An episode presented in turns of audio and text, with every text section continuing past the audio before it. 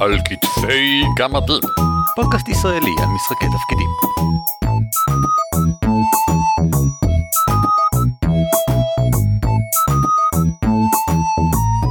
שלום וברוכים הבאים לפרק 123 של הפודקאסט הישראלי העוסק במשחקי תפקידים על כתפי גמדים. שמי הוא ערן אבירם. נעים מאוד, אני אורי ליפשיץ.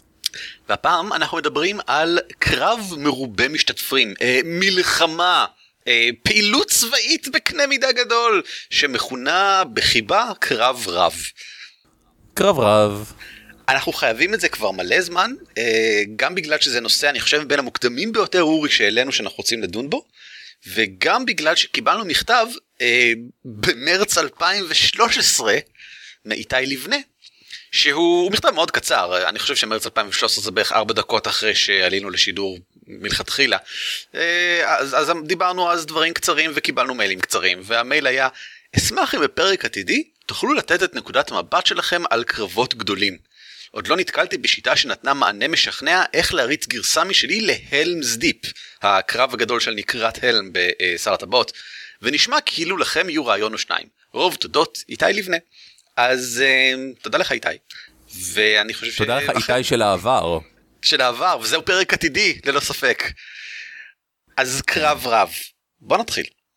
בוא נתחיל. אה, אני חושב שלפני הכל, וזו שאלה שאני שאלתי שחקנים שלי פעמים רבות במהלך קרבות, קרב רבים רבבים, זה האם חשוב לכם שהקרב יהיה המשחק בפני עצמו? כי אני פיצלתי את כל השיטות שנתקלתי בהן אי פעם לשחק קרב רב לשני קבוצות uh, גדולות בגדול. הקטגוריה הראשונה היא רמאות מוחלטת, כי הן לא שיטות לקרב רב. הן השיטות שבהן הדמויות עושות את מה שהן תמיד עשו, ולזה יש השפעה גדולה מאוד על הקרב רב. אני אתן דוגמאות. הדוגמה הראשונה היא שיש קרב מאוד גדול, למשל הלמס דיפ, אבל אתם לא משחקים את הצבאות, אלא אתם משחקים אה, את הדמויות שעושות משהו נורא מרכזי. לדוגמה, פה אתם משחק, תשחקו את אה, לגולס וגימלי, שצר... שהמטרה שלהם זה למנוע מהאורקים להיכנס בשער הראשי שהם פרצו הרגע. אז אמנם זה קרב רב, אבל בסופו של דבר הדמויות שלכם עושות את מה שהן תמיד עשו, כדי להילחם בקבוצת מפלצות בלי קשר ל-greater scheme of things. הצלחתם לעצור את 40 האורקים שהסתערו לזה, אז עשיתם את חלקכם לניצחון ה... אה, הצד הטוב במלחמה. אלטר... אה, וריאנט קצת יותר יפה, שזה המשימות קומנדו סלאש אה, הסחות. זאת אומרת, שולחים את הקבוצות, את הפארטי, בנפרד מהצבא הראשי, להתנקש במנהיג של הצבא השני, או להילחם ולכבוש קבוצה קטנה של קרונות אספקה, או לבצע פעולת הסחת דעת. ואם הדמויות הצליחו בדבר הספציפי הזה, אז ייי, ניצחנו בקרב וזה בעיקר בזכותכם. עוד נקודה בתת קטגוריה הזאת, זה גיוסים. אני חושב למשל עכשיו על, uh, בעיקר על מס אפקט 3, שבסופו של דבר, האמת גם מס אפקט 2 אם אני לא טועה, אמ, בסופו של דבר התפקיד של הפארטי בקרב רב, רוב המשחק, זה ללכת ולגייס עוד גזעים שיעזרו להם. לגייס עוד בני ברית, לגייס עוד, לשכנע את צוות האורקים להצטרף כנגד האלמתים, לשכנע את האלפים לצאת מהממלכה המבודדת הקטנה שלהם ולהצטרף למאבק בעל מתים. לשכנע את המינוטאורים לבוא ולהטיס את אה, הצבאות מעבר להרי האופל כדי להילחם באר מתים. לשנות את העל מתים לעל חיים, כדי שהם לא יהיו על מתים, וכן הלאה וכן הלאה וכן הלאה. וכן הלאה, כן. כל אלה אני שם בצד, כי הם רמאות מגעילה ונבלולית, היא בכלל לא קרב רב. אבל הם דרכים מגניבות לייצג קרב רב בתוך. הסקופ הקטן שאנחנו מכירים כהרפתקאות ה-D&D שאנחנו נהנים מהם. disclaimer, לאו דווקא D&D. עכשיו, נניח וזה לא מה שאנחנו רוצים, כי זה בגדול מה שתמיד היה לנו. אנחנו רוצים משהו מיוחד מאוד לקרב רב, כי אנחנו רוצים את ההרגשה שאני לא עכשיו הדמות שלי, אני הדמות שלי ו-5,000 פלאדינים שהולכים מאחורי על הקרב. אז קודם כל אפשר למצוא מכניקה שתומכת בזה. יש ל-D&D איזה מהדורה שנייה? יצא קרב רב הקרברבי? אני חושב שמשם מגיע הביטוי קרב רב, מ-AD&D מתורגם לעברית, מומחים דוקונים מורחב מהדורה 2, אני חושב ששם היה חוקים לקרב רב, ככה קראו לזה, כן. זה אופציה ראשונה, פשוט למצוא שיטה שעובדת על זה. לפאת'פיינדר יש אה, שיטת קרב רב מעולה, שיצאה בספר ההרחבה אולטימט קמפיין. שאנחנו, ערן, אם תזכור, לפני כ-50% מהפרקים שלנו בערך, בפרק 69, עשינו סקירה שלה. ואני משתמש בה מאז, דרך אגב, במשחק שבו אנחנו ממש משחקים. אז אני יכול אפילו להמליץ עליה. כן, כי אתה... היא עובדת. אתה משחק הרי את uh, Wrath of the Righteous. נכון. שחצי מהרפתקה שם זה קרבות בין צבאות. זה לא... נכון. שזה נהדר ומגניב, והיא שיטה מאוד טובה, אני קיבלתי את הרושם שהיא מאוד מאוזנת, ואתה כן מרגיש שאתה בעל השפעה על מה שמתרחש בתור מנהיג הצבא. פה אתה אמור להגיד כמה, כמה אכן זה כך. זה אכן כך. אה, אוקיי, אני שמח לשמוע את זה. אני רוצה להרחיב אחרי שאתה תסיים, כי יש לי מה להגיד על כל מה שאתה אמרת, ופחות. כן, אולי להבהיר ל... לכל מאזיננו, אני הולך לתת את ה outline הכללי הזה, ואז ערן הולך לדבר שלוש שעות, ואז אני אסביר לו איפה הוא טועה. ככה זה כרגיל בעצם. וכמובן, האופציה הנוספת לקרב רב, זה להשתמש במכניקה חדשה לגמרי, שאו שאתם ממציאים, או שתאמצו משחקים אחרים, וערן תכף, אה, פוף, יציג אה, מגוון רחב של רעיונות למכניקות אחרות שאפשר להשתמש בהם כדי לייצג קרב רב. הרעיון השלישי שאני פשוט אזרוק פה לחלל האוויר, אה, זה פשוט לעשות זה בפרי פורם, בחופשיתה. כל רעיון מגניב שישמתם נותן איזשהו בונוס, ופשוט לגלגל. לא, אני לא, אני לא חושב שצריך הרבה יותר מזה. אני חושב שצריך מלא הרבה יותר מזה. ואני אסביר לך למה. אז בוא תסביר לנו למה. אין בעיה. דבר ראשון, אני מסכים עם החלוקה שלך לשתיים, ואני רוצה לתאר אותה קצת אחרת. אה, אולי זו חלוקה אחרת לשתיים. עוד רגע נגלה. או-הו! אני מאמין שקרב רב יכול להתבטא באחת משתי דרכים. האחת היא, זה משהו שקורה מאחורה. הוא בעצמו לא, אני לא, אני לא נלחם. החבורה שלי לא תגלגל התקפה בתוך הקרב הזה, סבבה? יש לו השלכות על מה הדמויות עושות, אה, על מה הן יעשו בהמשך, למשל מה שאתה ציינת מקודם הגיוסים של מס uh, אפקט 3 שזה רעיון יוצא מן הכלל, אני חושב שמס אפקט 3 למשל הצליח להיות סיפור מלחמה מאוד גדול שבו לדמויות הגיבורות יש תפקיד עצום בזכות העובדה שזה משחק שבו אתה מסתובב ובאמת מגייס אנשים בזמן שברקע נלחמים מלא. Mm-hmm. אתה מקבל את הרושם הזה מבלי שאתה בעצמך הולך ויורה ב-1500 אויבים. אתה לא מגלגל קוביות כדי לראות מי מנצח את מי, אבל עדיין יכול להיות שיש שם מכניקה כלשהי, למשל בנושא של גילוסים אתה יכול להיכשל בלגייס מישהו, אבל זה יכול להיות הרבה דברים, אה, קרב רב שקורה ברקע יכול להיות גם כרגע, למשל אם מדברים על נקרת הלם, אה, כדוגמה, mm-hmm. זה קרב רב שמתרחש עכשיו, עכשיו האוקים מתקיפים, ועכשיו הגיבורים עושים נקודות ספציפיות, כמו למשל אה, לירות באורק שמנסה לפוצץ את החומה עם הפצצה, או להתקיף את האורקים שמנסים להתנגח בדלת הראשית, מה שגימלי אה,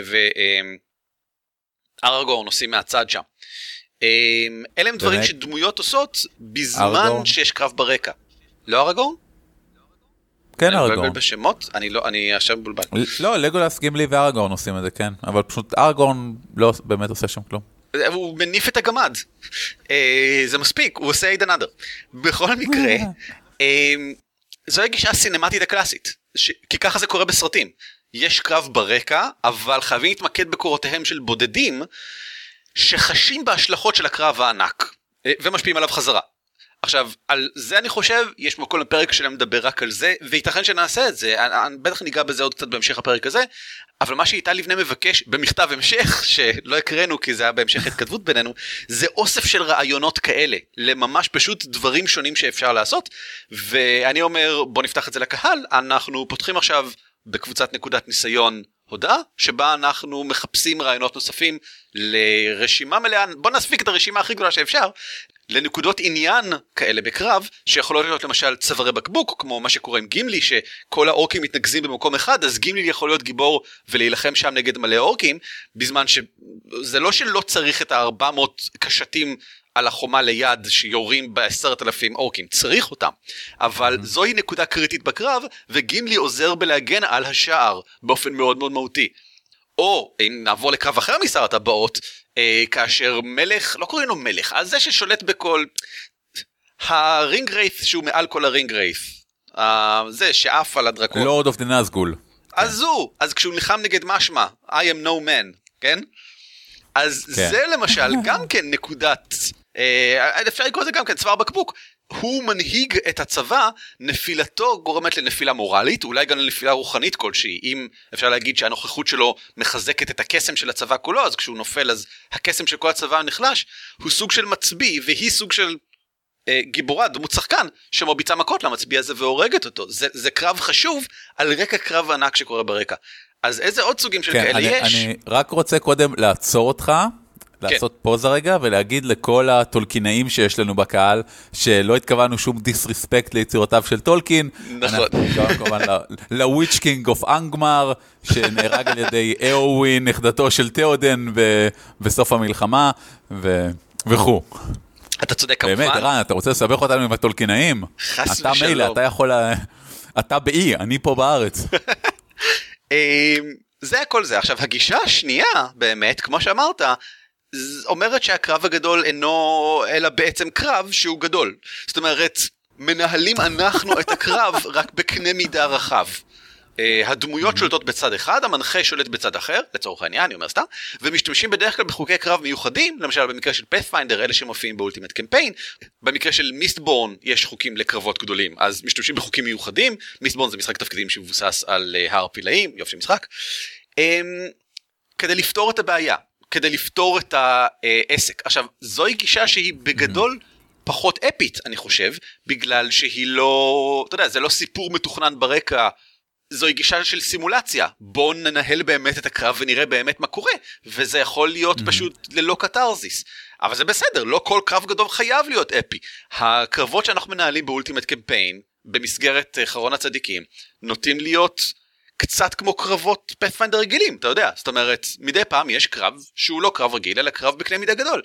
וקרב של צבאות, וכשזה קורה, אז עושים קרב של צבאות, ולא קרב, כל קרב של צבאות הוא הקרב הכי מדהים בעולם. זה בסדר, השאלה היא מה אתם מחפשים פשוט כמובן. אתה נגעת פה בנקודה מאוד מאוד חשובה. באחד מהפרקים האחרונים של NPC Cast, דיברו על השאלה הגדולה של האם לעומת איך. אה, יש פה את השאלה, האם ננצח בקרב הזה, או איך ננצח בקרב הזה, כי אם אתה רואה עכשיו סרט אקשן הוליוודי, אתה יודע שהגיבור ינצח בסוף, ומה שמעניין אותך זה רק איך. מגניב. לעומת זאת, ב- בסרטים אחרים, השאלה שלך זה, מעניין, האם הוא ינצח? נניח, בשיר של אש וקרח, לא מעניין אותך איך טיריון ישרוד. מעניין אותך בכלל, האם הוא ישרוד? זו שאלה אחרת לגמרי.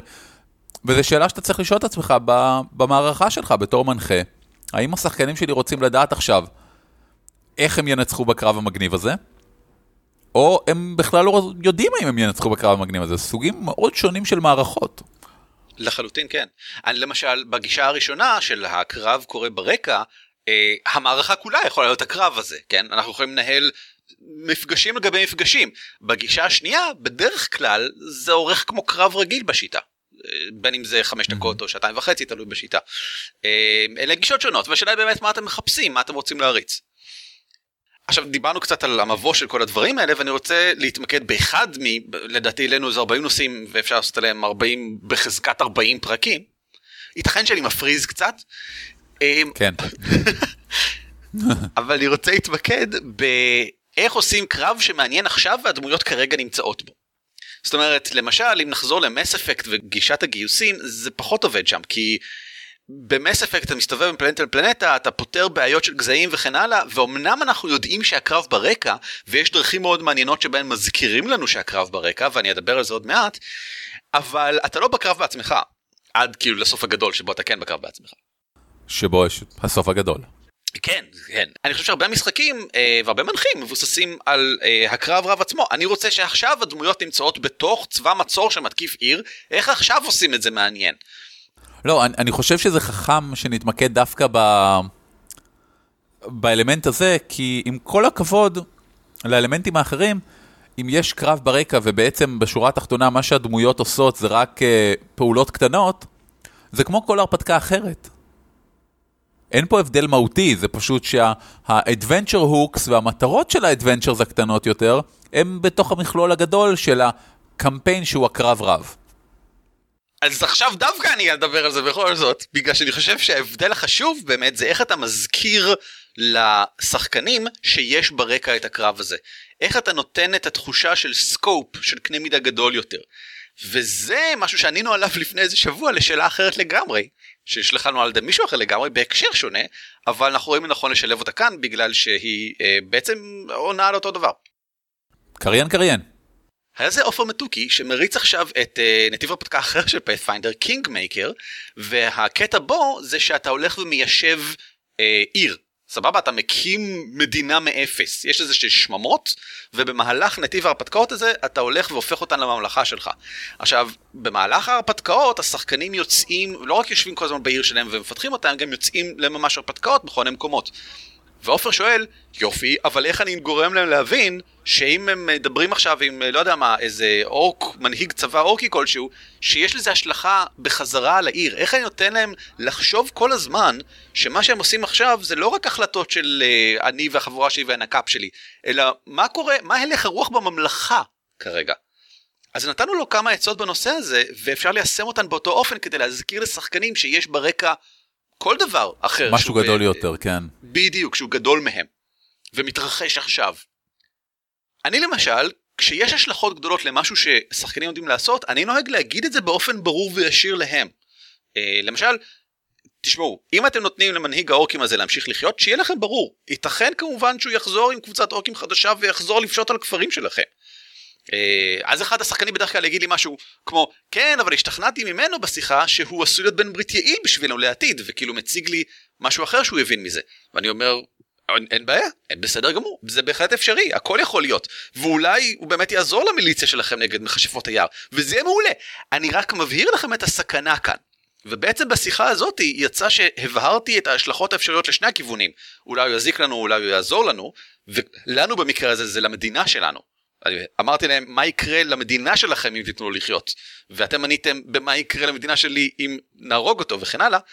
ההפך יופי רן. וגם הבנתי את החשיבות של הבחירה שמדובר כאן במשהו בקנה מידה גדול שהסכנה היא לא להם שהסכנה היא לשם. אבל לא כולם אוהבים את זה. לא כולם אוהבים לדבר באופן ישיר לשחקנים שלהם, ואני לא מבין למה, אני אוהב לדבר אליהם, הם עונים לי בחזרה, אפשר להעביר את הקולה, ככה, ככה אני מקבל יותר קולה. לחלק מהאנשים זה מוציא אותם מהאווירה של המשחק, לחלק מהאנשים זה אה, פשוט בעצם העובדה שהמנחה אומר משהו כמנחה, והוא לא מגיע לדמויות באופן אורגני מעולם המשחק, זה בעייתי, בגלל זה אני תמיד אוהב אה, שהדיונים האלה הם עם דבש כלשהו שמייצג את האירועים. סבבה, אה, זה באמת הפתרון. נכון, ש, שמישהו אומר, אה, או ויכוח, אני, אני מאוד אוהב ויכוחים בין דבש, ואני אוהב שני uh, דמויות בלא שחקן, שאחד אומר, מה, אבל אם תיתן לו לחיות, הוא, י, הוא יחזור לפה והוא ישמיד את נשותינו. מה שאני אומר, לא, אם תיתן לו לחיות זה הסיכוי הראשון לשלום. ובסופו של דבר, לא יודע, לא משנה מה יקרה, מישהו יבוא לדמויות ויגיד, רואים, אמרתי לכם. כאילו, השחקנים אף פעם לא יוכלו להגיד, אה, לא, אבל לא חשבנו שזה עלול לקרות, והדמות שלי הייתה אמורה להבין את זה. מה, הדמות שלך הבינה את זה, אתה אמרת את זה, נאמר לכם וכו'. ואם אני רוצה שהם יבינו לבד, אני פשוט אומר לאחד מהשחקנים לגדל, לגלגל חוכמה, או משהו, אני מגלגל עבורו, ואחרי הגלגול, לא משנה מה יצא לו, אני פשוט מסביר את כל ההשלכות האפשריות. כי, כי הגלגול פה הוא לא באמת במטרה אה, לראות מה החוכמה של הדמות אמרה לה, אלא לתת מידע לשחקנים.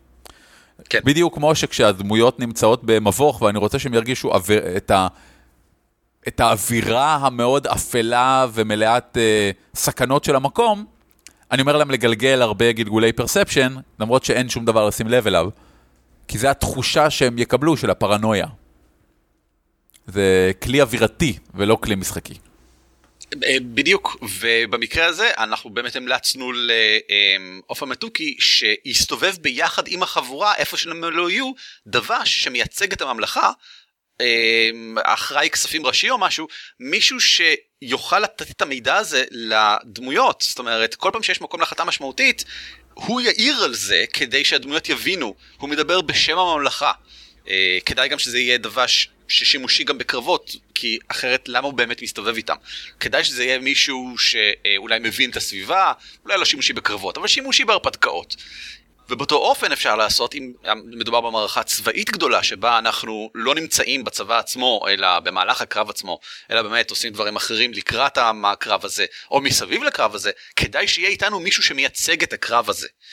אה, זה יכול להיות גנרל אבל זה יכול להיות גם משהו כמו נסיך הבורח אה, שמנסה להסתתר וכן הלאה והוא אכפת לו מהמדינה שלו והוא יודע להגיד דברים על המדינה שלו.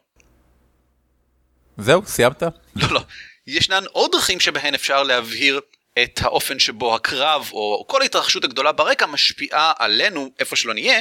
דבר ראשון באינטרלודים בנקודות רגיעה בין לבין זה טריק שאפשר גם כן ללמוד מ Mass Effect 3 אה, כל פעם שמסיימים שם משימה, פעם לצורך העניין שאנחנו מסיימים הרפתקה או חלק חשוב בהרפתקה או משהו כזה, אנחנו מקבלים רמז למה קורה בינתיים במקום אחר. למשל, אה, מגיעות ידיעות על כך שעיר גדולה נכבשה. והחדשות מגיעות בצורת אה, אבירים על סוסים שמגיעים לתוך העיר והם כולם עייפים וסחוטים וקרועים ומדממים וכן הלאה וזה נותן אווירה ברורה לגמרי שהם הם רכבו עכשיו יומיים רק כדי להודיע שהעיר נפלה ואנחנו נאלצנו להימלט ודברים כאלה. אפילו אם אנחנו באמצע משהו אחר לגמרי, ברור לנו, אנחנו מקבלים איכשהו חדשות, עדכונים על כך שמתרחש המצור הענק, או ההתקפה העצומה, או וואטאבר. וזה יכול להיות בהרבה דרכים. אנחנו שומעים קולות ארטילריה מרוחקים במרחק פרסאות רבות באחד הלילות.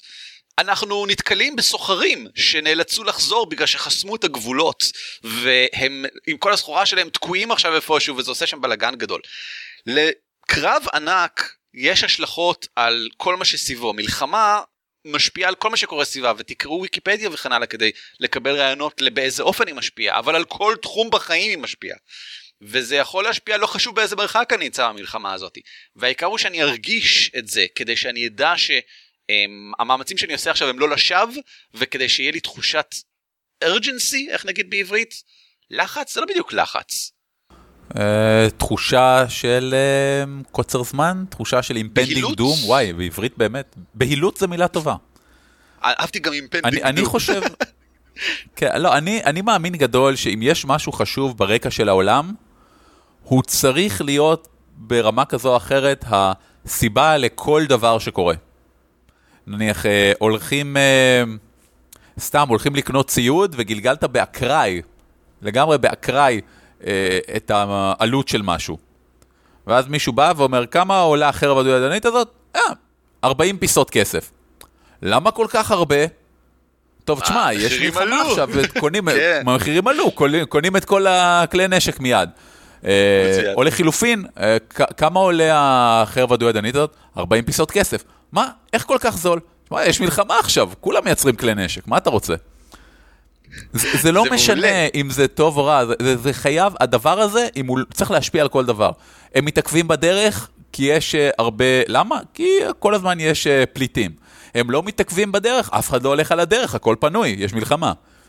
כל דבר שקורה, חייב להיות בהשפעת זה. כך, ככה זה עובד. הצדקות בדיעבד. בשיטה כמו uh, Age of the Empire ו-Warhammer Fantasy שבה לכל גלגול יש uh, השלכות פוטנציאליות אני באמת נוהג להשתמש בהם באופן הזה ולחבר את ההשלכות האלה לסיפור הגדול יותר שאני רוצה לספר. טוב נראה לי שהבהרנו את הרקע עכשיו אפשר לחזור לנקודה שרציתי לתת ואתה הפנת אותנו הצידה כאילו בטירוף? בוא נחזור אליה. תאשים אותי למה לא? אז בוא נחזור לשאלה מה קורה בזמן הקרב ממש. אני רוצה לנהל קרב עכשיו, והדמויות צריכות להיות חלק ממנו, הן לא רחוקות. דבר ראשון כמובן שאני צריך להזכיר להם שהקרב נמצא מסביבן, אבל זה פי 800 יותר מודגש מאשר פשוט להכניס את זה פה ושם כבדרך אגב. אה, זה צריך להיות כל מה שהן עושות. זה קצת כמו מבוך, כשאתה בתוך מבוך, אתה תמיד בתוך מבוך, כן? אתה לא פתאום נכנס לאיזשהו חדר ויש בו חדר אצולה או לא יודע מה, דברים כאלה. אתה בתוך מבוך. אז כשאתה בתוך קרב רב, אז אתה תמיד בתוך מלחמה. יש תמיד אנשים שמתקיפים מסביב איפשהו או מתים או אה, נלקחים לאחור או פצועים וכן הלאה. בין אם אתם עושים את זה ברקע ונותנים לדמויות לעשות דברים ספציפיים, אה, כמו למשל ללכת להתנקש באחד הגנרלים, או ללכת להעביר הודעה מאוד חשובה לאחד המקומות אה, בקרב, כי אני מזכיר שבימי ביניים וכן הלאה, לשלוח הודעות למקומות שונים בשדה קרב היה סיפור מהתחת, והיו משתמשים בדגלים ובשליחים מאוד מהירים וכל מיני דברים שכאלה, כי אחרת היה בלאגן אטומי, ובכל מקרה היה בלאגן אטומי. בין, אם, אם עושים את הדברים האלה, אז זה נורא קל להכניס קרב בכל מקום, וזה כמובן עוד יותר קל אם הולכים בגישה השנייה שאמרנו ונותנים לשחקנים לגלגל את ההתקפות של הצבא באיזשהו אופן. אה, כי אז שום דבר לא אותו דבר כמו מה שהם מכירים, ואני חושב שזה חשוב שזה יהיה ככה. כשאתה מגלגל בשביל פלוגת חיילים, אה, שבראשם עומד ה... אה, עומדת הדמות שלך או שמונהגת מרחוק על ידי הדמות שלך או משהו כזה זה צריך להרגיש אחרת גם מכנית אני חושב וזה צריך להרגיש גדול יותר. למשל במובן הפשוט ביותר נגיד במבוכים ודרקונים אתה אומר כן כל נקאפ זה חייל אז כל נקאפ שהולך זה חייל שמת. או משהו כזה. אוי. אה, שירגיש רע לשחקנים שמשתמשים בזה. ותגיד כן, אך, ואתה מסמן כאילו שמות של אנשים כל פעם שמישהו מת. אך, הנה הלך וייצוג, אוי, חבל המשפחה שלו. היו כל כך, היה להם כזה חובות איומים ונוראים, כבר לא יחזירו אותם. אוי, אה, הורדת שלוש נקאפ? אוי ויי, גם צימגי הלך, אוי, זה איום ונורא. אה, לא, אל תעשו ככה, זה נורא. טוב, די, די, אני בוחר פה. לגבי החוקים, שמעתי המלצות מאנשים שונים להשתמש בחוקים של משחקי מלחמה שמיועדים לזה, משחקי אסטרטגיה של ממש. זאת אומרת, אם אני רוצה לנהל קרב רב, אז להפסיק נגיד להשתמש ב-Age of the Empire או ב-Shadowrun, וואו, קרב רב בשדורן, אני לא כל כך רואה את זה קורה, עולם הערכה לא כל כך טועם שם, ולעבור להשתמש למה, נגיד... למה, קרב רב בשדורן זה... זה... קרב רב בשדורן זה מה שקורה ברגע שאחד מהתאגידים כועס עליך, לא? קרב רב חד צדדי, כן? אבל חד צדדי, כן, בדיוק. אמ, תשמע, לא, אני מצטער, אם יחסי הכוחות זה 1 ל-100, לא משנה לאיזה צד, בייחוד אם בצד אחד יש רק אחד, זה קרב רב כן. בעיניי. זה, זה רב ללא ספק, כן, כן. להשתמש במשחקי לוח כמו אה, ריסק, אל תשתמשו בריסק, הוא איום ונורא, אבל משחקי לוח אחרים, משחקי אסטרטגיה גדולים, יש עם זה בעיה אינהרנטית בגלל שהמשחקים האלה משחקי לוח מטבעם לא פתוחים לפרשנות אז אם אחד השחקנים שלכם ממציא רעיון מבריק כמו למשל אה, לפוצץ את החומות של האויב באמצעות אה, מנגנון פצצתי כלשהו שאותו הוא מצליח להחדיר בחשאי דרך הביוב זה לא משהו שריסק או כל משחק לוח אחר יודע להתמודד איתו. ולכן זאת בעיה, ולכן אני חושב שחוקי הקרב רב, כדי לשקף את העובדה שמדובר לא במשחק לוח, אלא במשחק תפקידים שהוא פשוט בקנה מידה מאוד גדול, חייב להיות פתוח לזה, זה חייב להיות בשיטת משחק התפקידים בכל זאת.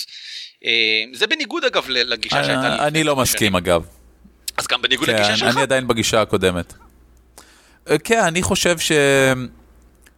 כשאתה עושה זום אאוט למשהו כל כך גדול, באמת ההשפעות של האינדיבידואלים יכולים לתת יתרונות, אבל הם לא משפיעים על המערכה בקנה מידה כזה גדול. אה, בטח ובטח בעולמות היסטוריים שבהם אה, כמות ההשפעה שלך היא מוגבלת עוד יותר. אמ, אז אם השחקנים לצורך העניין עשו, אני נניח כן הייתי נותן לשחקנים לעשות אה, משימת גיוסים לצורך העניין, והגיוסים שלהם קובעים כמה חיילים יש להם בריסק למשל, לעומת האויב. ואז משחק את הריסק. בכל מקרה אגב בעיניי מאוד מעניין אותי מנגנונים של קרב רב בין אם אנחנו הולכים בגישה הראשונה של קרב רב ברקע של מה שאתה הצעת עכשיו אה, איך גיוסים איך או, או מה שזה לא יהיה שעושים ברקע איך זה מתבטא מכנית ומשפיע על הקרב לבין אה, השיטה השנייה שבה לכל שחקן לצורך העניין שולט בפלוגה או whatever וממש עושים כמו שאמרנו ההבדל בין האיך ובין האם. אמ, בכל מקרה אני חושב שכדאי שיהיה כאן מכניקה, בכל מקרה זו מכניקה שונה מהרגיל ובכל מקרה היא מאוד מעניינת אותי.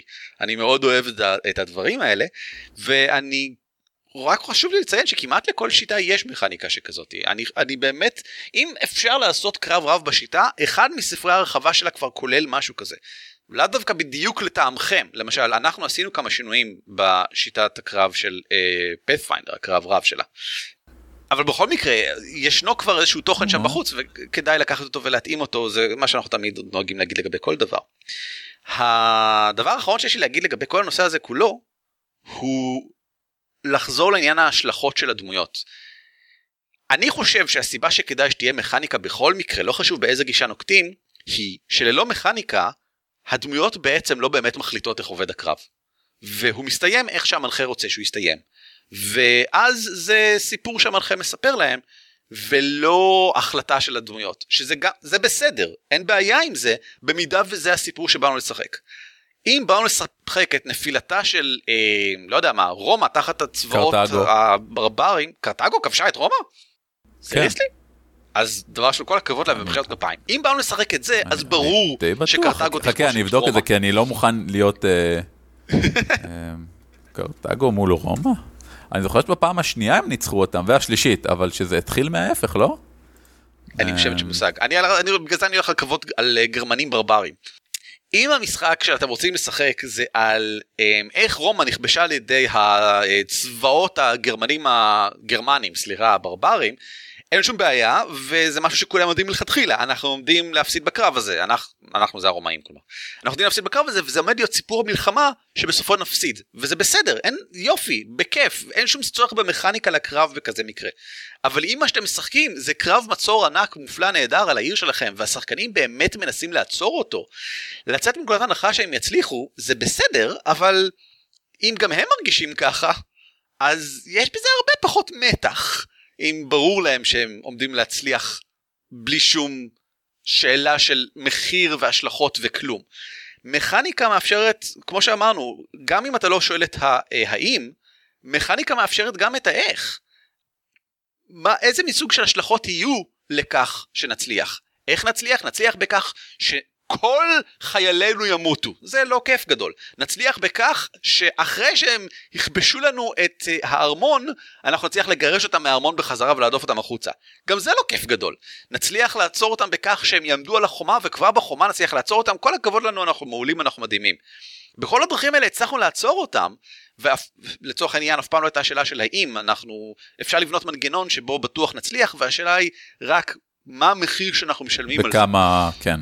מסתבר שהקרתגו הפסידו בכל המלחמות שלהם מול רומא, אבל במלחמה השנייה מתוך השלושה, הם אה, גרמו לרומאים אה, פשוט לעבוד, כל הסיפור של חניבל, אה, זה היה המלחמה השנייה בין קרתגו לרומא, והוא...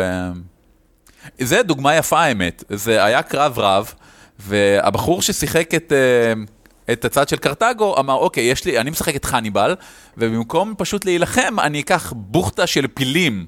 אני אשקיע את כל הנקודות uh, פיתוח צבא שלי בפילים, ואז בזכות זה שפילים נותנים לי מעבר מעל הרים, אני אוכל לאגף את הרומאים ולהרוג אותם. וזה עבד לו. זה עבד בהחלט. כן, ואז הרומאים פתאום נזכרו, אמרו, אוי לא, הוא השמיד לנו את כל חמשת, ה... את חמשת הליגיונות שלנו, מה נעשה עכשיו? ואז אחד מהגנרלים שאתה אמר, אה, אוקיי, נשלח את ה-20 ליגיונות האחרים שיש לנו. ואז קרתגו הפסידה. אמ, סיפור עצוב אתה יודע כשחושבים על זה ככה זה סיפור די עצוב. כל אני חושב אם אתה רוצה לעשות אה, סיפור צבאי גדול מעניין אז כדאי לקרוא מלא סיפורים צבאיים גדולים מעניינים כמו תמיד זה אחלה רקע ויש כל כך הרבה דברים מעניינים שם. כן המציאות תמיד עולה על כל דמיון ובתור אתה יודע שני אנשים שכבר 20 שנה מתעסקים בדמיון אפי זה עדיין מרשים אותי להגיד את המשפט הזה. אה, כן ללא ספק.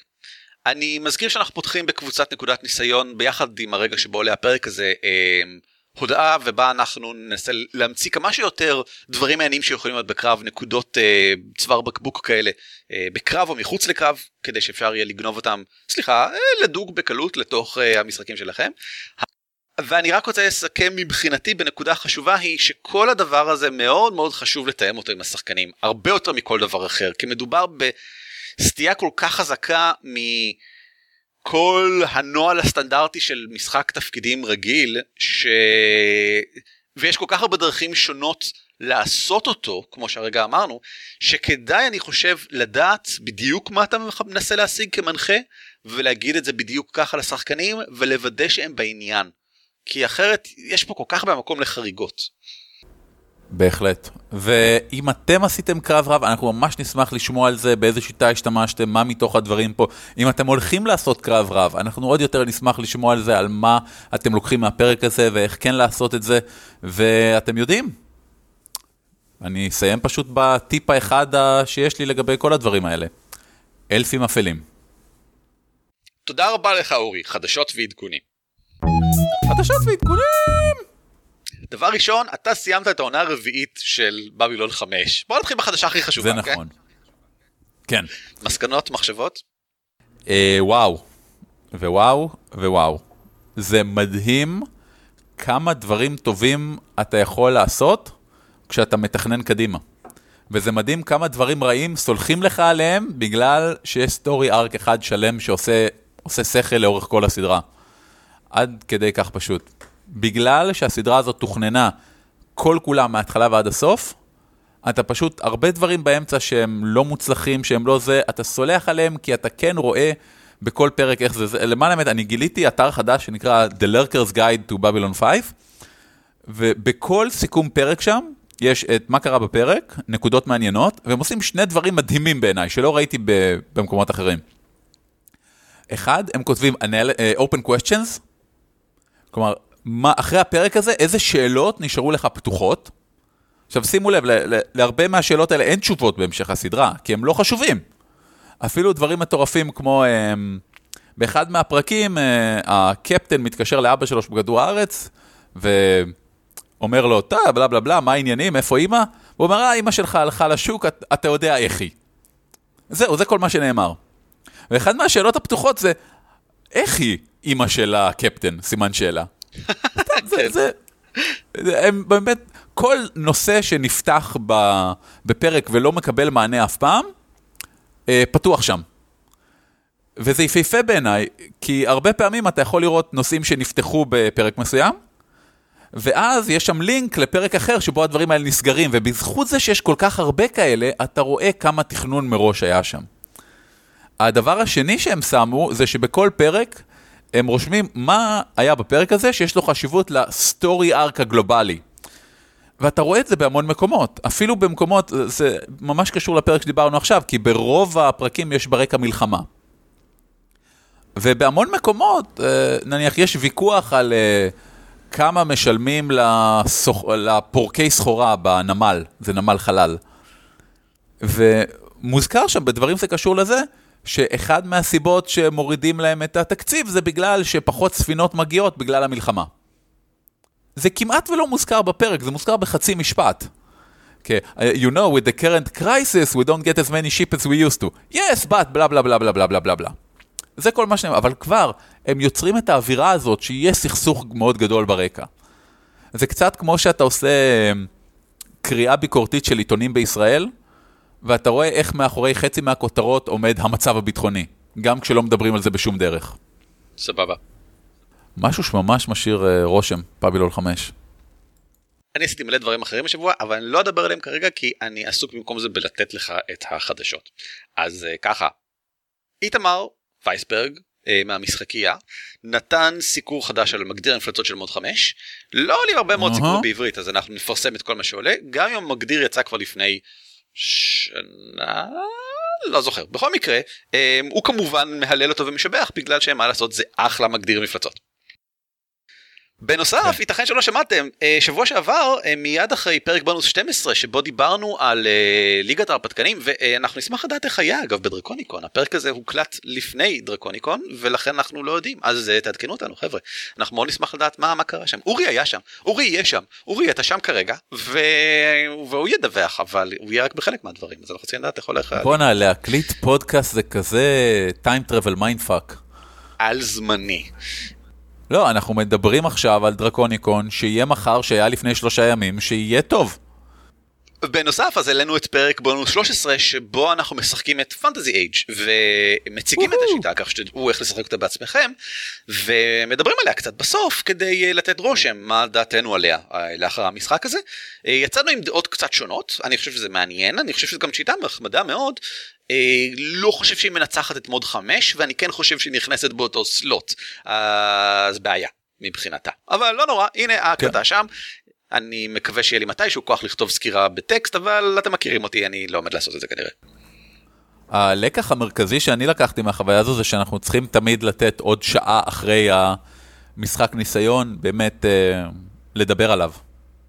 אנחנו לא עושים את זה בכל מקרה? אנחנו לא בסדר? לא, היה לנו חצי שעה, ו- ובגלל שהדעות היו כל כך חלוקות, לא, לדעתי לא הספקנו לדבר על המון אה, אלמנטים. מעניין מה שאתה אומר, אבל אין לי זמן להרחיב את השיחה הזאת איתך. אמ, עוד משהו שכדאי שתדעו, זיו ויטיס, אה, שהתארח אצלנו בפרק 94 על אה, RPG סופרסטאר, פתח קבוצה חדשה בפייסבוק לארגון משחקים חד פעמיים אינטרנטיים מהסוג של כאילו אהלן היום בערב אני רוצה להריץ השנה השקטה יש מתנדבים מישהו מישהו רוצה להתארח לשחק וזה? ואז ברול 20 מרימים את זה כאילו באותו ערב או משהו כזה. אז אם מעניין אתכם להשתתף לקבל עדכונים או להציע בעצמכם קבוצת משחקים אינדי ברשת כמובן שיהיה קישור בהערות של הפרק הזה. ואם כבר מדברים על RPG סופרסטאר אז נפתחה הרשמה לתחרות הבאה כי ב2015 מסתבר הם עושים שתיים. ומעכשיו אני חושב הם יעשו כל חצי שנה במקום כל שנה. אה, אז אם אתם רוצים בבקשה ניתן כמובן קישור לפרק 94 שבו אנחנו מסבירים מהי התחרות הזאתי, למה היא התחרות החשובה ביותר בעולם משחקי התפקידים המקצועי, ואיך אתם יכולים לנסות להיכנס אליה, מה נדרש מכם וכן הלאה. וניתן קישור ישיר גם לעמוד RPG סופרסטאר אם כי בכנות אם אתם יודעים להשתמש בגוגל אז תמצאו את זה גם כן. אה, רמז תחפשו RPG סופרסטאר. זהו לי אין שום דבר נוסף להגיד. לי יש המון דברים להגיד, אבל לא לכם. מעניין מאוד אורי, אז תודה רבה לך שדיברת על קרב רב, ותודה רבה לי שדיברתי על קרב רב, תודה רבה לכם שהאזנתם לנו, ואם אתם רוצים להאזין לנו עוד, על קרב רב, לדוורפס.org.il, שם מופיעים כל הפרקים שלנו עד היום, יש 122 מה ההיגיון אומר, 123 כולל זה, אבל אתם כבר מקשיבים לו. אפשר גם להירשם אלינו דרך iTunes, או דרך SoundCloud, אמ, או פשוט דרך כל קורא RSS סטנדרטי, אה, כל הקישורים מופיעים איפה שאתם לא מקשיבים כרגע. תנו לנו ככה תגובות, אה, הפיצו אותנו ככה, אתם יודעים, תעשו share או retweet או איזה מין סוג של מה שזה לא יהיה. האמת שהדבר, הדרך הכי טובה להגיע לאנשים חדשים תמיד היה ותמיד תהיה אה, פשוט מחברים. אז אם יש לכם מישהו שמשחק משחקי תפקידים ונראה לכם שהוא ייהנה מלהקשיב לפודקאסט, תגידו לו. תודה. אה, אני מסכים, אני אומר לך תודה אורי. אני אומר לך תודה ערן, ואני אומר לך תודה, קטולו אלוהינו אשר בשמיים. להתראות קטולו! להתראות! להתראות קטולו! להתראות! על כתפי גמדים משותף ברישיון שיתוף ייחוס זהה Creative Commons 3. המייל שלנו הוא גמדים את roleplay.co.il והאתר שלנו בדוורבס.org.il. ניתן למצוא אותנו גם בטוויטר, פייסבוק וגוגל פלוס.